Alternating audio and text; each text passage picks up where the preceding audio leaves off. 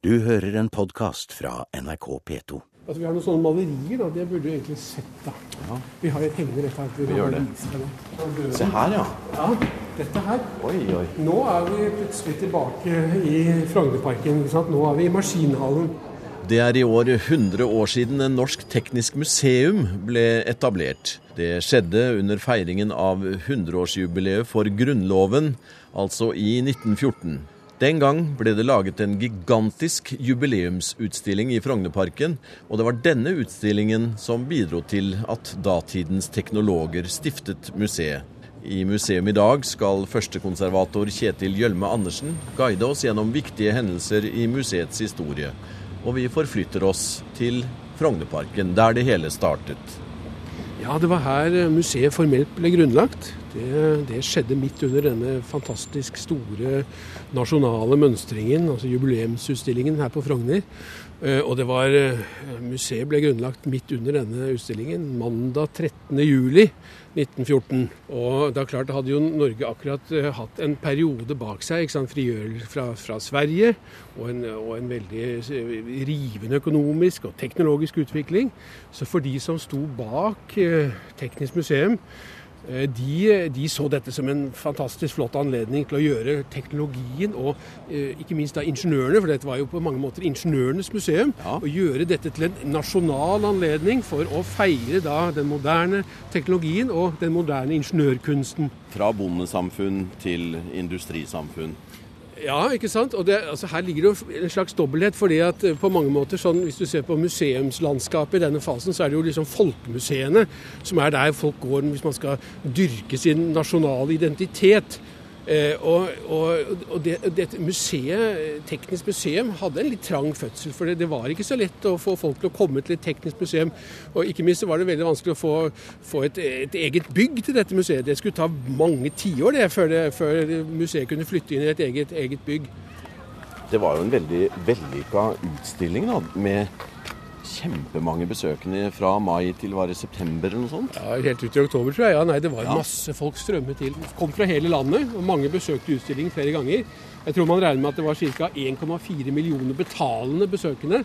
Men at det var nesten dobbelt så mange som hadde vært innom, altså borti 2,7 millioner mennesker som var innom utstillingen i løpet av de, de seks månedene hvor den var åpen. Det hadde vært noe for Teknisk museum å ha sånne tall, tenker jeg. Det hadde vært, men vi har veldig høye tall nå. Det, er, det skal vi komme tilbake til. Vi forblir en stund til i Frognerparken sammen med førstekonservator Kjetil Gjølme Andersen. Det er han som nå skriver museets historie, og det gjør han sammen med historikerkollega Olav Hamran. Andersen tar for seg de første tiårene og får god bruk for sin forskning innen teknisk, industriell og økonomisk vitenskapshistorie. Han har også skrevet forskningshistorien til Norsk Hydro en ikke ubetydelig bedrift med tanke på opprettelsen av Norsk Teknisk Museum. Jubileumsutstillingen ble et gjennombrudd for at teknologien også var noe vi kunne være stolte av som nasjon. Sånn at på en måte så var denne feiringen av det nasjonale var på en måte knyttet egentlig det førindustrielle samfunnet, kan man godt si.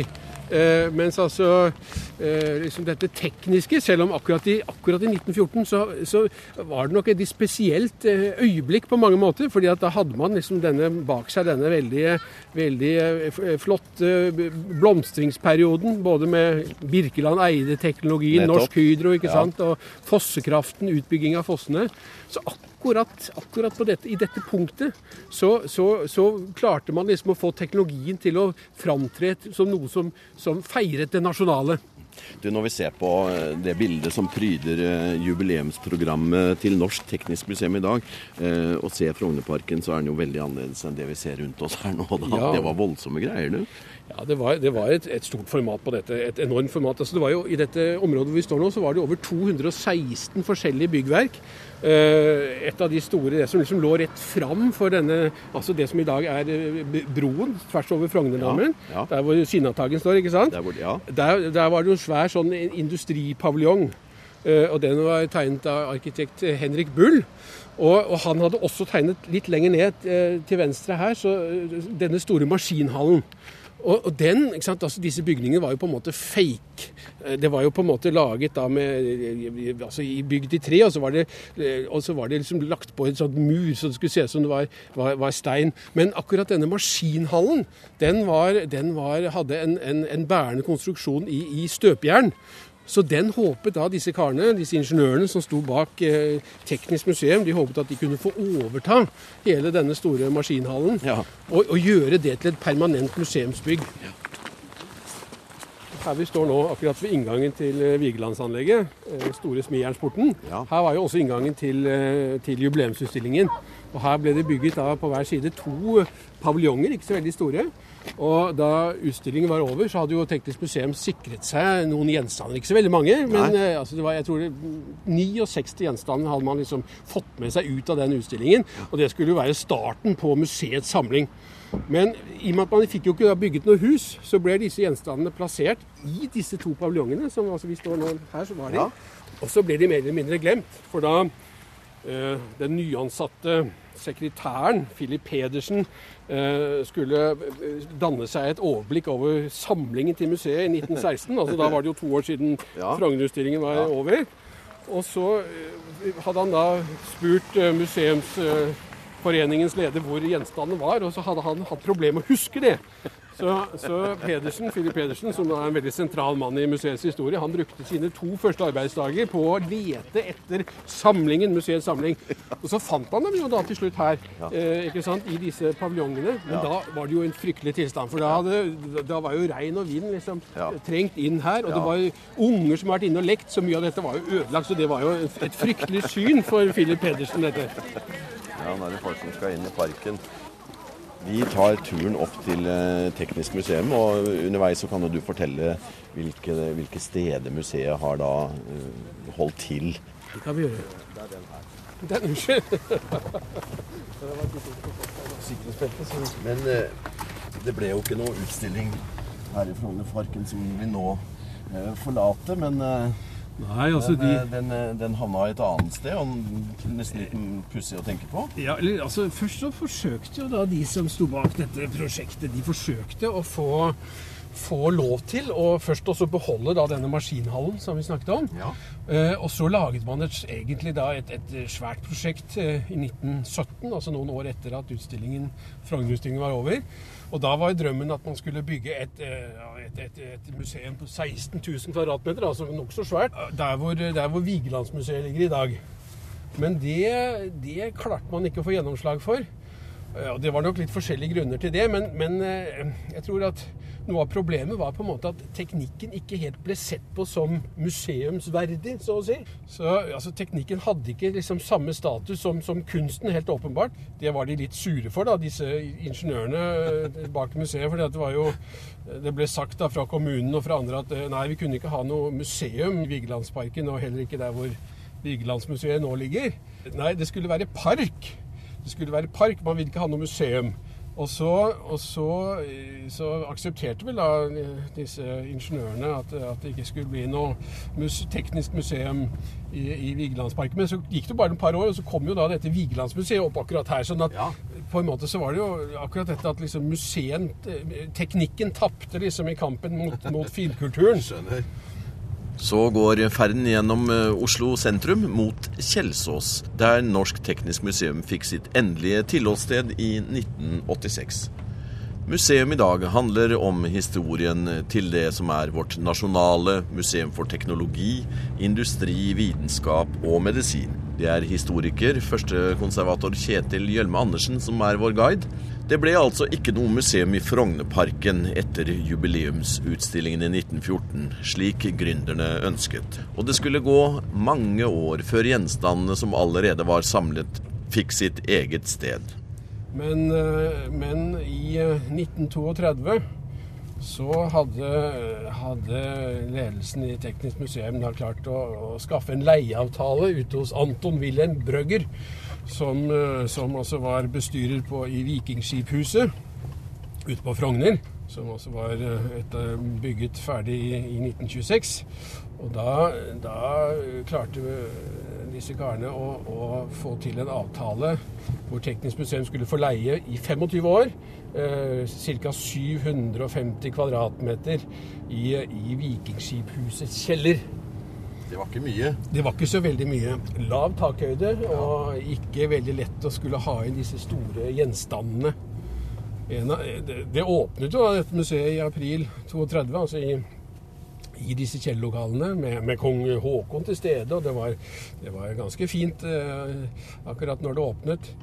Men, eh, men bl.a. blant annet så skulle man også da utstille flyet til Trygve Gran. Dette Ja, det nettopp, ja. Ja, og det var jo et problem, for man fikk liksom ikke plass til å ha vingene ordentlig på, og det var mye problemer da. Så, så dette var ikke et egnet lokale, det var ikke et permanent lokale. Det var helt åpenbart ikke løsningen på, på museets husproblem. Etter en del år på Bygdøy, i kjelleren på Vikingskipmuseet, tilbød Oslo kommune en tomt ved Akerselva. Det ble samlet inn penger fra industri og private. Så kom krigen, og planene raknet. Dessuten viste det seg senere at grunnforholdene var for dårlige. endelig da i 1959 så hadde man fått en tomt av en av de eh, industridrevne som da var en del av styret til museet. Eh, hadde skjenket da museet en tomt oppe på, på Helsfyr, det som het Fyrstikkalleen. Og der kunne man da åpne, også det nokså høytidelig da, i 1959 et museum. Nokså lite, 3500 kvadratmeter eller noe sånt nå, Ja. men det var da et eh, museets eget, Eget, ja. eget, egne bygg. Det var viktig, selvfølgelig. Det var fryktelig viktig. Ja, nå er vi framme på Kjelsås. Stort jubileumsprogram lyser mot oss der på en banner over hovedinngangen. Norsk Teknisk Museum 100 år, og her er denne rare dingsen, som jeg kaller det, som står utafor museet her. Den er rar og veldig stor. Ja, ja. Svær. Er, Den er viktig. Den er viktig, for det er jo, dette er jo liksom eh, ikon, en ikonisk gjenstand. Dette er jo liksom eh, det som betegner kanskje den viktigste innovasjonen i, i norsk industristue overhodet. Altså denne lysbueprosessen til Christian Birkeland og Sam Eide. Altså det er det som la grunnlaget for Norsk Hydro. Vi har fått, vi har vært så heldige at vi har fått en av de aller største ovnene som ble laget. Eh, Det er en ovn fra, fra Rjukan, eller fra Såheim, Ja. fra 1916. Hydro kan være også et stikkord det for liksom hele Ja. etableringen av museet. Fordi at Det var jo på en måte nettopp liksom den nye storindustriens menn, altså ingeniørene som hadde utdannelse gjerne fra Tyskland, som var Ja. diplomingeniører, som var liksom de høyest utdannede ingeniørene. Det var de som, som gikk sammen og, og ønsket da å etablere et norsk teknisk museum. Her åpner dørene seg sjøl, selv, selvfølgelig. Det må det jo på et teknisk museum. Ja, du vet at Museumsbygget som ble innviet da i 59 oppe på Helsfyr, de hadde en sånn fotocelle som gjorde at dørene gikk opp av seg selv, akkurat som her. Ja. Men det var da det var liksom state of the art da i 1959. Ja. Du, det er veldig tilstrømming her. da. Mye barn. Mye barn. På den tiden så er det masse skoleklasser. Og så er det kanskje noen som har vinterferie til og med også rundt omkring her. Så. Nå går vi inn i det er jo et bygg som eh, jeg tror vi per dato har 14 000 kvadratmeter utstillingsareal. ja, Så det er jo et, et bygg som ligger fint til her ved Akerselva. musikk og teknologi er vi utafor nå. Ja. Her er det instrumenter og Ja, jeg kan ta, ta deg med inn en sånn lur vei her til en, Ja, av, går vi. en av ikongjenstandene våre. Ja. Det er alltid noen sånne, sånne små snarveier som man ikke alle vet om. Nei.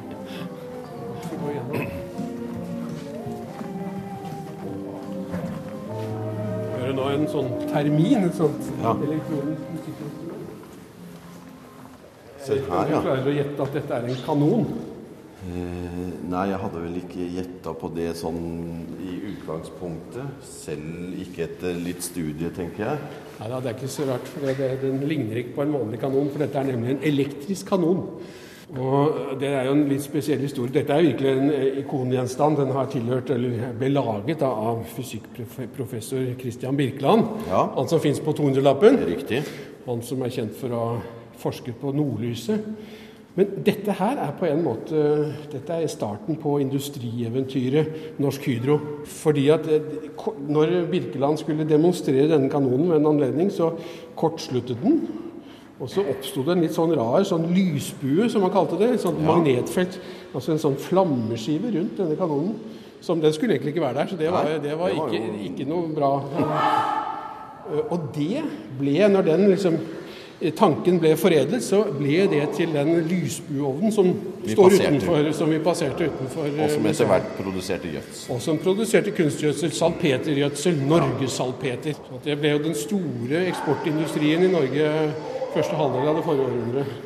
Det, Eh, Vi kan jo beskrive den kanonen. Jeg ser jo at det er på en måte et løp som ligger på støtta på et, eh, et underlag. Det er masse ja, det er masse ledninger, og så er det på en måte at er- Clouet her er på en måte at det oppstår et sånt magnetfelt. Skjønner. Eh, altså det er noen elektromagneter. Ikke noe suksess som kanon. Altså, eh. Birkeland forsøkte å selge den. Han var i kontakt med, med militære i England og i Frankrike. Han forsøkte å selge den, og i Tyskland. Den tyske keiser. Han har Ja. håpet at den tyske keiser skulle interessere seg for denne. Eh, og, men Jeg det kan jo skjønne det eh, når man er i krig. Det er ikke alltid det strøm. Nei, du trenger en veldig lang skjøteledning. Flere jubileumsutstillinger er under oppseiling i Norsk Teknisk Museum akkurat nå. Det er den tyske fotoutstillingen 'Livet før døden', en olje- og gassutstilling og en utstilling med 100 utvalgte gjenstander. Ting heter den, og alle gjenstandene er viktige for at et demokrati skal fungere. Utstillingene åpner bare om noen uker. Men vi fortsetter vår lille vandring i samlingene på Norsk Teknisk Museum sammen med førstekonservator Kjetil Gjølme Andersen. En av gjenstandene på museet har han faktisk et helt personlig forhold til. Se der, helikopterservice. ja. De så annerledes ut, helikoptrene den gang. Ja, de gjør det. Det er jo lite. Hadde du turt tørt å, å fløyte det nå? Vet du hva, at det har jeg gjort. Jeg vet ikke om jeg har gjort det nå, men da jeg var barn, så satt jeg i det flyet der fordi at min far var en av Norges eh, første helikopterpiloter i helikopterservice. Så dette, den, denne maskinen her har han fløyet. Så morsomt, da. Ja, det er litt morsomt. Nevner du det ofte når du er på rundtur er her? alltid Du er ikke liksom- så mye rundt i museet du, kanskje? Nei, jeg, jeg er altfor lite rundt i museet, men jeg er rundt av og til, og det hender at jeg nevner det. Ja, men du overlevde jo. Det gikk bra, og helikopteret ser helt, ja, og fint ut. Ja da, og Min far syns stadig det er hyggelig å komme hit og se på den maskinen, for den har han et veldig nært forhold til. Det vil jeg forstå. Her er én ting som jeg syns er litt morsom. Dette er en, eh, en luftballong, en varmluftballong. La Ville de Orléans, som har en veldig rar og helt merkelig og dramatisk historie. Fordi eh, hvis vi går tilbake til 1870 Ja. så var Paris beleiret av prøyssiske styrker. Byen var omringet, og det var en veldig dramatisk situasjon. Folk døde som fluer. Og så var det da to karer som eh, på, av militære myndigheter da fikk beskjed om å overbringe en beskjed. Altså rett og slett en, en, en, en sekk med brev Ja. til, eh, til den eh, franske krigsminister, som da oppholdt seg i nord i Frankrike, eller til og med kanskje i Belgia. Så de klarte da å unnslippe denne beleirede Paris ved hjelp av denne ballongen som vi står ved her. Du verden. La Ville de Orléans. Ja, men, her, ja. men det som skjedde, det som skjedde var at altså pga. helt spesielle værforhold på den, akkurat den dagen altså de, de tok av fra, fra Garde Nord i Paris Ja. 25. november eller noe sånt nå. Og, og, og så i løpet av altså Bare veldig kort tid så ble de da liksom dratt opp i noen øvre luftlag og, og ført da med, med vinden nordover. Altså De hadde egentlig ikke tenkt seg så veldig langt nord, men de ender altså da i, i, i Norge. Nei. Ja, og det holdt på å gå veldig galt underveis. fordi at eh, de, eh, rundt Arendalstraktene så, så er ballongen i ferd med liksom å, å, å, å nærme seg eh, havet. Ja. Eh, og, og, og de kaster da ut ikke sant, all ballast. og Det ender jo med at de kaster ut denne, denne postsekken med disse brevene som, som skulle da vært levert til den franske krigsminister Leon Gambetta. Og så, men så suser de jo videre. Ja. Og, og så rundt Seljordtraktene så klarer de jo etter hvert å Altså i Telemark, da. Så klarer de å hoppe ut og berge livet mens, balkong, mens denne ballongen da fortsetter videre. Og, og, og til slutt strander den da i Lifjell, altså fortsatt i, i Telemark. ja. Uh, og, eh, dramatisk historie. helt er disse, utrolig. Det hadde, Første gang jeg hører. Den, eh, den hadde tatt altså Det tok bare da noen, noen ganske få timer altså i denne ferden. eller Et døgn eller noe sånt tror jeg de brukte på denne ferden. her ser vi det er eh, en, en tegning, eller hva det nå er for noe, som eh, viser hvordan de dramatisk kom seg av da. Ja, ikke sant? Her klarer de å komme seg ut av, av kaste seg ut av denne kurven, og så forsvinner ballongen videre. Utrolig, altså. Så det står, I dag så står det en, en, en sånn liten stein som markerer den hendelsen på Lifjellet. Den var skikkelig kul. Og så ser vi her, her henger dette flyet da, som jo er berømt, som er et sånt ikon fra norsk flyvningshistorie. Dette flyet som heter Nordsjø. Nordsjøen, og som er altså Trygve Grans fly, det som han fløy da over Nordsjøen med. Eh, og det var jo altså rett og slett bare noen dager etter at dette museet ble grunnlagt. Eh, skal vi se 30. juli 1914. Eh, og det var jo en, en bragd. Så ved, siden av museet så feirer også dette flyet her 100 år i år. Eh, men dette er jo skrevet mye om. Han fikk jo på en måte ikke den oppmerksomheten i samtiden som han hadde fortjent, fordi at eh, to dager før, før, eh, før, han gjennomførte sin bragd, så, så var jo da andre, første verdenskrig Riktig. i gang. Ja, Flott fly, da. Er flott fly, men jeg er ikke sikker på om jeg hadde Det hadde jeg ikke fløyet med, nei. fløyet så langt nå. Det er Beiles her. så det Arne Norheims lydbar fra 1970. Det er en interaktiv lydinstallasjon som eh, skal åpne i morgen. Det er eh, stor eh, aktivitet på museet nå tidlig i jubileumsåret. Et lite arbeidslag tordner gjennom utstillingene med en vogn med utstillingsbord. De skulle bare sett og hørt gründerne som for 100 år siden satte det hele i gang. Alf Scott Hansen, han som da sto bak denne museumsforeningen, han var jo Eides fetter, og han var altså administrasjonssjef i Norsk Hydro. Sånn at eh, etter at de da hadde kommet på at de skulle lage et sånt eh, museum i 1904, så, så var jo timingen fryktelig dårlig, for han, eh, Scott Hansen hadde jo ikke tid til å drive med dette. Nei. Så han løp jo rundt etter Sam Eide. ikke sant? Det var, Sam Eide laget jo ikke bare Hydro, han laget jo det som heter Elkem og en masse andre selskaper. Og Scott Hansen som fulgte med da og hjalp, var Eides høyre hånd. Ja. Så han hadde mer med Norsk Hydro å gjøre enn Norsk Teknisk Museum, tror jeg, i denne fasen. Derfor så, Det er en av grunnene til at det tok litt tid. Men det var folk som overtok eh, etter hvert. Ja, det, det var folk som overtok. Og det, på en måte han som er den egentlige grunnleggeren eh, av Norsk Teknisk Museum, er denne Mikael Legård. Han var overingeniør i havnevesenet, og han, det er han som eh, egentlig kom med forslaget i 1904. Og han følger liksom opp den museumssaken, er Ja. strategen og liksom den som uh, virker politisk, og helt fram til sin død da i, i 1936. Altså Da fikk han jo oppleve at, at museet jo jo, åpnet i denne kjelleren da på, i, for, der ute På Bygdøy. Mm. På Bygdøy. Uh, og så gir han stafettpinnen videre til denne Philip Pedersen, som jeg nevnte. Han som uh, kom og oppdaget alle disse gjenstandene i paviljongen Mm. Ja. uh, i Frognerparken. Han, uh, han er også en ildsjel og en sånn altmuligmann for museet. Han blir på en måte museets første, første bestyrer, første direktør. Og det er han som på en måte forsøker da å bygge dette store museet ved Akerselven.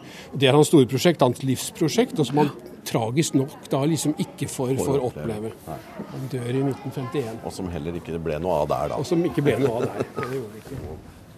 Se her, nå er vi helt borte den Esso-stasjonen, hvis en kan eh, kalle det det.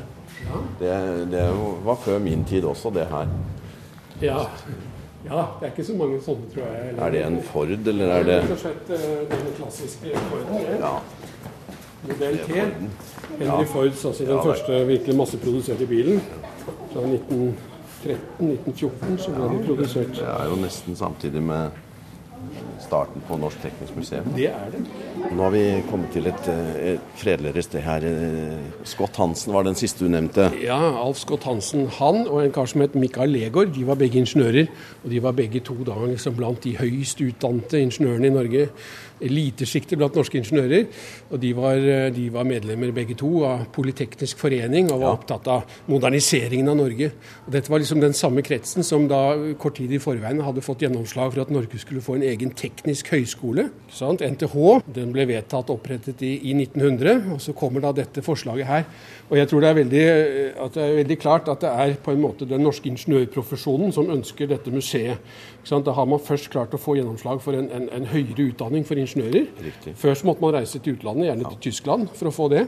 Så man hadde fått liksom gjennomslag for at, at, ingeniør, at ingeniørens kunnskap var en vitenskapelig kunnskap. Og samtidig så ønsket ingeniøren på en måte også bli et et, et, et fullverdig medlem av den akademiske, det akademiske dannelsesborgerskapet. Ja. Og, og? Hva gjør man da? Jo, man har fått en høyskole, men da trenger man jo et museum. Når man setter teknikken på museum, så blir den jo til kultur. Ja. Og det er akkurat dette, dette, dette behovet for å, å, å vise fram og at, at teknikken også var kultur. Og husk på det at sant, I denne fasen så har jo teknikken opplevd altså en veldig sånn dynamisk utvikling. og Man ser at teknologien, teknikken er veldig viktig for den økonomiske utviklingen. Men, men sant, nettopp det at teknikken da befinner seg innenfor liksom den økonomiske sfæren, ja. gjør at, at, mange liksom mener at den ikke er verdig på en måte en, sånn, en plass på et museum, en opphøyd plass på et museum. Uh, og, derfor, og Det tror jeg er viktig for å skjønne hvorfor det tok så fryktelig lang tid på en måte å få dette museet opp å stå teknikken var på en måte ble ikke sett på som museumsverdig. Det tok lang tid. Hva kom da, tror du? Eh, altså, jeg tror sant, Det er en veldig sånn ambivalens i holdning til teknologien hvis man går 120 år tilbake i tid. Ja. Uh, og Det har jo å gjøre med at altså, selv om teknologien utvilsomt da ga et sånt framskritt, så var den jo på en måte også den som rev i stykker på en måte mm. samfunnet. ikke sant? Som forandret samfunnet så radikalt. Og Det skjer jo akkurat i denne fasen, det som vi da kaller liksom den andre industrielle revolusjonen. ikke sant? Med urbaniseringen. Altså Teknologien ble opplevd opplevd som om den liksom eh, var et angrep på kulturen. Den var ikke selv nødvendigvis kultur. Men, eh, men nå har vi jo altså fått et aksept da, tror jeg, for at, eh, at teknologien er en, en kulturfaktor. Uh, og det, ja, det, ser vi jo på mange måter, bl.a. ved at vi kan gå rundt på dette tekniske museet her i Oslo. Du har nå hørt en podkast av programmet Museum fra NRK P2. Send gjerne en e-post til museum krøllalfa nrk.no.